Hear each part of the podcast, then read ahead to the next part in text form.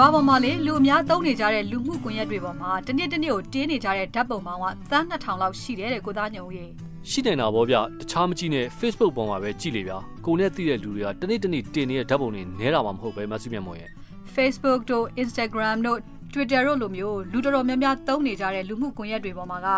စာရီထက်ပုံတွေနဲ့ဆက်သွယ်နေကြတာကအဓိကဖြစ်လာနေပြီလေ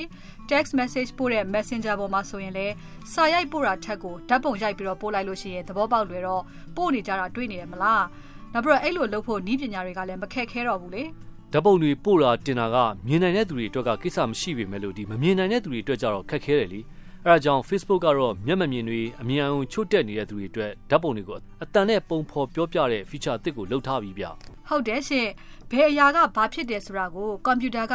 မှတ်ပြီးတော့ခွဲခြားနိုင်တဲ့ဒီ object recognition နည်းပညာကိုအခြေခံပြီးတော့မှ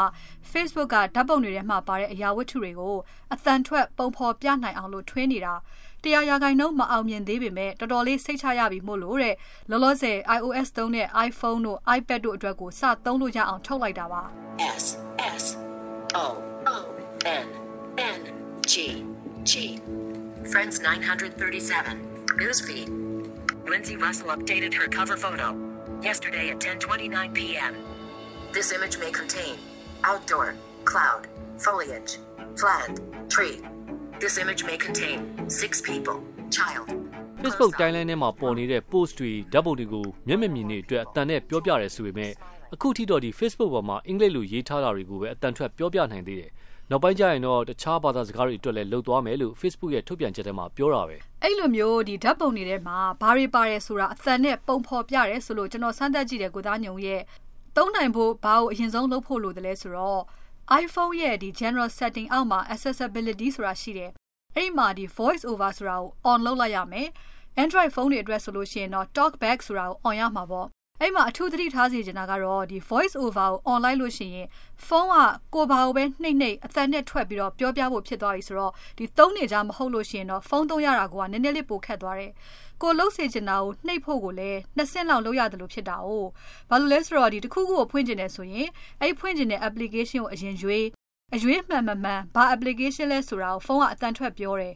မှန်တယ်ဆိုလို့ရှိရင်အဲ့ဒီဘောကိုနှစ်ချက်ဆက်တိုက်နှိပ်လိုက်တော့မှဒီ application ကပွင့်တယ် ဒီ Facebook application ထဲကိုရောက်သွားပြီဆိုတော့အဲ့မှာလေဒီ timeline ထဲမှာရှိနေတဲ့ post တွေတစ်ခုချင်းစီကိုအတန်ထွက်ပြောပြနေတယ် post တစ်ခုကနေပြီးတော့နောက်တစ်ခုကိုသွားဖို့အတွက် telephone screen ပေါ်ကိုလက်ချောင်း၃ချောင်းနဲ့ထောက်ပြီးတော့ဒီအပေါ်အောက်ကိုဆွဲရင်ဆွဲဒါမှမဟုတ်လို့ရှိရင်လည်းဒီဘေးတိုက်ပေါ့နော်ဘယ်ကနေညာညာနေဘယ်ကိုလက်တစ်ချောင်းနဲ့တွန်းရင်တွန်းလို့ရပါတယ် post တွေမှာဓာတ်ပုံတွေပါတယ်ဆိုလို့ရှိရင်ဓာတ်ပုံတွေကပုံတွေကိုအတန်ထွက်ဆော့ဆော့ရှင်းပြတယ်လို့ရှင်းပြပါတယ် ကျွန်တော်တို့အတွက်ကတော့ပုံမှန်တိုင်းဖုန်းကိုသုံးနေကြဆိုတော့အဲ့လိုမျိုးအစစ်စစ်လုပ်ဖို့အတွက်ကအချိန်နဲ့နဲ့ပိုယူတယ်စိတ်ရှိဖို့လိုတာပေါ့ဗျာမျက်မမြင်နေအမြင်အာရုံချိုးတဲ့သူတွေလည်း Facebook ပေါ်ကပုံတွေကိုအ ਨੇ ဆုံးတော့ဘာပုံမျိုးလဲဆိုတာသိနိုင်ဖို့ကောင်းတယ်ဆိုပြီးတော့ထွင်ဖို့အထူးကတိုက်တွန်းခဲ့တဲ့ engineer ကြောက်ကလည်းမျက်မမြင်ပဲရှင်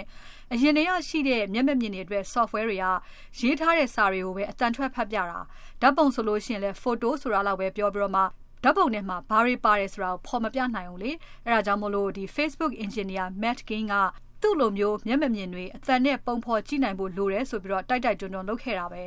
Facebook ပေါ်မှာဓာတ်ပုံတွေတင်ရင်ဓာတ်ပုံထဲမှာပါတဲ့သူတွေကိုအလိုလိုမှတ်မိနေတဲ့ program ကိုဒီတက်ပို့ပြီးတော့ဓာတ်ပုံတွေကအရာတွေကဘာတွေလဲဆိုတာခွဲခြားဖော်ပြနိုင်ဖို့လုပ်လိုက်တာပေါ့ဗျာ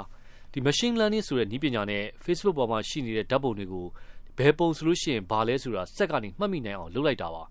ဥပမာဒီမော်တော်ကားပုံတွေ့လို့ရှိရင်မော်တော်ကားတစ်ပင်ပုံတွေ့လို့ရှိရင်တစ်ပင်ဆိုတာမျိုးကိုခွဲခြားနိုင်ဖို့ Facebook ရဲ့ဒီ artificial intelligence program ကိုလေ့ကျင့်မှတ်ခိုင်းထားလိုက်တာပါလွန်ခဲ့တဲ့10လကျော်လောက်ထဲကဒီ Facebook ပေါ်ကဓာတ်ပုံတွေကိုမှတ်မိပြီးတော့ပုံဖော်နိုင်အောင်လို့အဲ AI program ကိုအချိန်ချင်းလေ့ကျင့်ပေးတယ်ပုံတွေကိုခွဲခြားပုံဖော်နိုင်ပြီဆိုတာနဲ့အတန်ထွက်ပြောပြနိုင်မှုအတွက် automatic alternative text အတူကောက်တော့ automatic alt text ဆိုတာကို Facebook ကအခုဖန်တီးလိုက်တာပဲကိုသားညုံရဲ့သူတို့ဖန်တီးနေတာကအစောပိုင်းအစ်စ်ပဲအခုရှိပါသေးတယ်ဒါပေမဲ့ဒီအရာဝတ္ထုပေါင်း100လောက်ကိုတော့ AI program ကခွဲပြီးသိနေပြီလို့ဆိုရဲအဲဒါကြောင့်လဲဒီဓာတ်ပုံတွေထဲမှာပါတာတွေကို80ရာခိုင်နှုန်းလောက်မှတ်အောင်ခွဲပြောနိုင်ပါပြီတဲ့ဓာတ်ပုံတွေထဲမှာအားကစားမျိုးစားပတ်ဝန်းကျင်ခြေနေအစားတောက်မျိုးစားအသွင်ပြင်စတာတွေကိုတော်တော်လေးမှန်အောင်အခုခွဲခြားပြောလို့ရတယ်ပြောတယ်ဗျ I can just call my mom like, "Yay, I I seen your picture." and she'll be like, "What?" She was like, "How you see it?" Cause my phone read it to me. It's new. I seen it. တကယ်တော့အခုလိုမျိုးဓာတ်ပုံတွေကိုဒီ artificial intelligence program တွေကမှတ်ပြီးတော့မှပုံဖော်ပြတဲ့နည်းပညာပုံစံတူမျိုးက Google Photo နဲ့ဒီ Yahoo ရဲ့ဓာတ်ပုံတွေမျှဝေနိုင်တဲ့ Flickr လူမှုကွန်ရက်ပေါ်မှာအရင်တည်းကရှိပေးတာပဲဒါပေမဲ့ပုံတွေကိုဖော်ပြတဲ့နေရာမှာလည်းအမှားယွင်းတွေဖြစ်တယ်လေ Google ဆိုလို့ရှိရင်ဒီလူမဲနှစ်ယောက်ရဲ့ဓာတ်ပုံကိုလူဝင်တွေလို့ဆိုပြီးတော့မှ AI program ကဖော်ပြလို့တောင်းတောင်းပန်ရသေးတယ် Flickr မှာလည်းအတူတူပဲအမျိုးသားတယောက်ကိုမြောက်လို့ပြောသလိုပဲ Auschwitz နာဇီအကျဉ်းစခန်းပုံကိုလည်းအားကစားဆိုပြီးတော့မှဒီဖော်ပြတဲ့နေရာမှာအကြံပြုချက်ပေးလို့တော်တော်လေးပြောစရာဖြစ်ခဲ့ကြတာကို Guardian သတင်းစာကြီးရဲ့စောင်းပါးထဲမှာထောက်ပြထားပါသေးတယ်။ Facebook ကတော့အဲ့လိုမျိုးအမှားတွေမဖြစ်ရအောင်မသေးကြလို့ရှိရင်ဘာပုံလဲဆိုတာလုံးဝပြောမှာမဟုတ်ပါဘူးလို့ Automatic Audits ကိုထွင်နေတဲ့ Facebook engineer တယောက်က The Verge Online Media ကြီးကိုပြောတာကို The Verge ရဲ့စောင်းပါးထဲမှာဖော်ပြထားတယ်မသိမြင်မွေ website ပေါ်မှာဓာတ်ပုံတွေတင်လို့ရှိရင်ဒီ alt text ဆိုတဲ့နေရာမှာကိုတင်တဲ့ဓာတ်ပုံတွေကဘာလဲဆိုတာအချင်းချင်းဖော်ပြလို့ရတယ်ဆိုတာတော့ website ကိုဖန်တီးတဲ့သူတိုင်းသိပြီးသားပါမလာတော့ကပဲ Twitter လူမှုကွန်ရက်ကဒီတင်တဲ့ဓာတ်ပုံတွေရဲ့အောက်မှာတင်တဲ့ပုံရဲ့အကြောင်းဖော်ပြနိုင်ဖို့လုပ်ပေးလိုက်ပါတယ်ဒါပေမဲ့အခု Facebook ထွင်တဲ့ဒီ automatic alt text ကတော့အဲ့လိုမျိုးကိုကရေးနေစရာမလိုဘူးတင်သမျှဓာတ်ပုံတွေကိုသူ့ရဲ့ AI program ကအလိုလိုသိပြီးတော့ ပုံဖော်ပြနိုင်ဖို့ပါဒါမှပဲဒီမျက်မျက်မြင်တွေအတွက်အတန်ထွက်ပြောပြမဲ့ program တွေက